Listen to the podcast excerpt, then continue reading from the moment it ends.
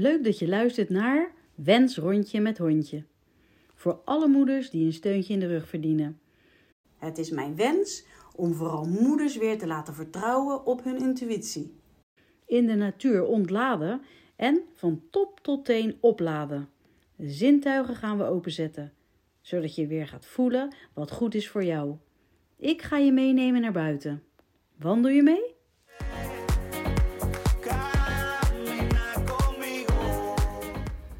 Gelukkig gezond. Het antwoord dat je nu vaak krijgt als je vraagt hoe het met iemand gaat. is maar goed ook. Niet alleen fijn als iemand niet, iemand niet ziek is, maar vooral dat de meerwaarde wordt ingezien van gezondheid. Die gezondheid van ons komt vaak op de allerlaatste plaats, terwijl het aan het begin hoort te staan. Eerste, tweede of zeker een derde plaats. Gewoon op het podium dus. Met een goede gezondheid hebben we veel wensen. Maar ben je niet gezond, dan heb je maar één wens. Het is natuurlijk niet zo dat je er alles mee kan voorkomen. Maar als je conditie goed is, heb je wel een streepje voor. En ook als je toch ziek bent, dan genees of herstel je sneller als je in conditie bent. En je hoeft geen topsport te leveren. Bij mij is het zelfs zo dat ik niet eens alle sporten kan doen. Maar bijvoorbeeld zwemmen, yoga, wandelen, jumpen en x-co's. Trainingen zijn laagdrempelig en weinig risico op blessures. Wel zo fijn, anders lig je er gelijk weer voor een tijdje uit. En lig je gelijk weer achter op schema.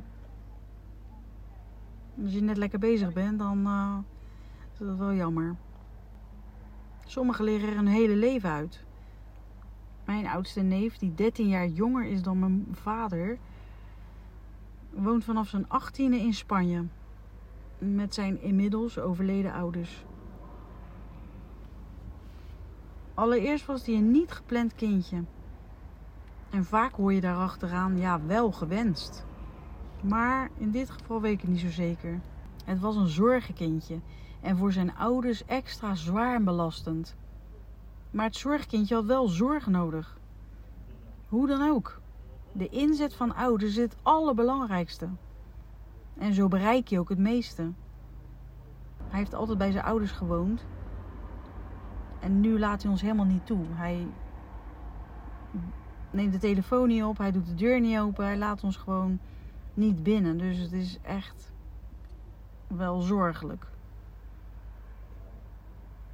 Het is zo zeker niet het makkelijkste. Maar die liefde van die ouders is wel heel bepalend. Ik vind het ook nog steeds zo raar om te zien dat, dat er zo snel de regie uit handen wordt gegeven. De touwtjes uit handen geven aan vreemde mensen. En natuurlijk hebben artsen geleerd over de mens en zijn ze kundig. Met bepaalde dingen. Maar ze kennen jouw kind niet. Als ouders zijn, dan ken je je kind het allerbeste. Dus of ga samenwerken, of investeer heel erg veel in je kind. En meer dan dat. Alle zeilen bijzetten, noem ik dat. In het mooiste wat er bestaat, je eigen kind. Die is dat toch meer dan waard? We volgen allerlei opleidingen en investeren in onszelf. Natuurlijk is dat fijn als het kan. Maar dat kan dus niet altijd. Want je kind heeft je nodig. Je zou je toch echt moeten aanpassen naar de situatie waar je in belandt. En je leven anders indelen wanneer je kind niet gelukkig of gezond is. Dat is risico van het vak, zullen we maar zeggen. Wanneer het op je bedrijf niet goed gaat, dan ga je ook kijken hoe het beter kan. En het beste kan doen om het toch weer op te lossen. Je gaat het veranderen, anders indelen.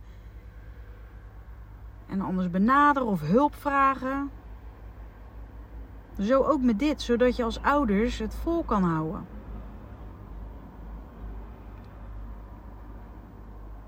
Mijn neef, mijn neef is zijn hele leven gedrogeerd met medicijnen. En kreeg niet, eh, niet zoals bij een, wat je al bij een plantje doet. Verzorging en aandacht om te laten om goed te kunnen groeien en bloeien. Ik vond het als kind al erg om te zien. Hij hing erbij als een of ander uh, last.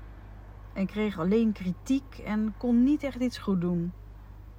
Negatieve sfeer met heel veel boosheid en frustratie die met tranen werden geuit na de nodige glazen alcohol. Het was eigenlijk altijd hetzelfde liedje. Je kon het zo uittekenen hoe het ging.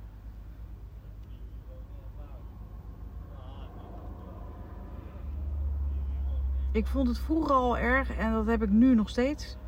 Vandaar dat ik misschien extra heb gestreden tegen medicatie. Aangezien het toch op de opiumlijst staat. En het voor kinderen gewoon niet goed is in de groei. Zeker niet als ze in de groei zijn, nee. En ze moeten gewoon nog heel veel leren. En bij heel veel is het gewoon niet nodig. De een heeft nou eenmaal meer aandacht en begeleiding nodig dan de ander. Maar hé, hey, als, als je dat dan niet van je eigen ouders kan krijgen. We houden en zijn er toch voor elkaar. De belangrijkste personen in je leven, die zijn het die jou gelukkig gezond kunnen houden. Doordat we van ze houden.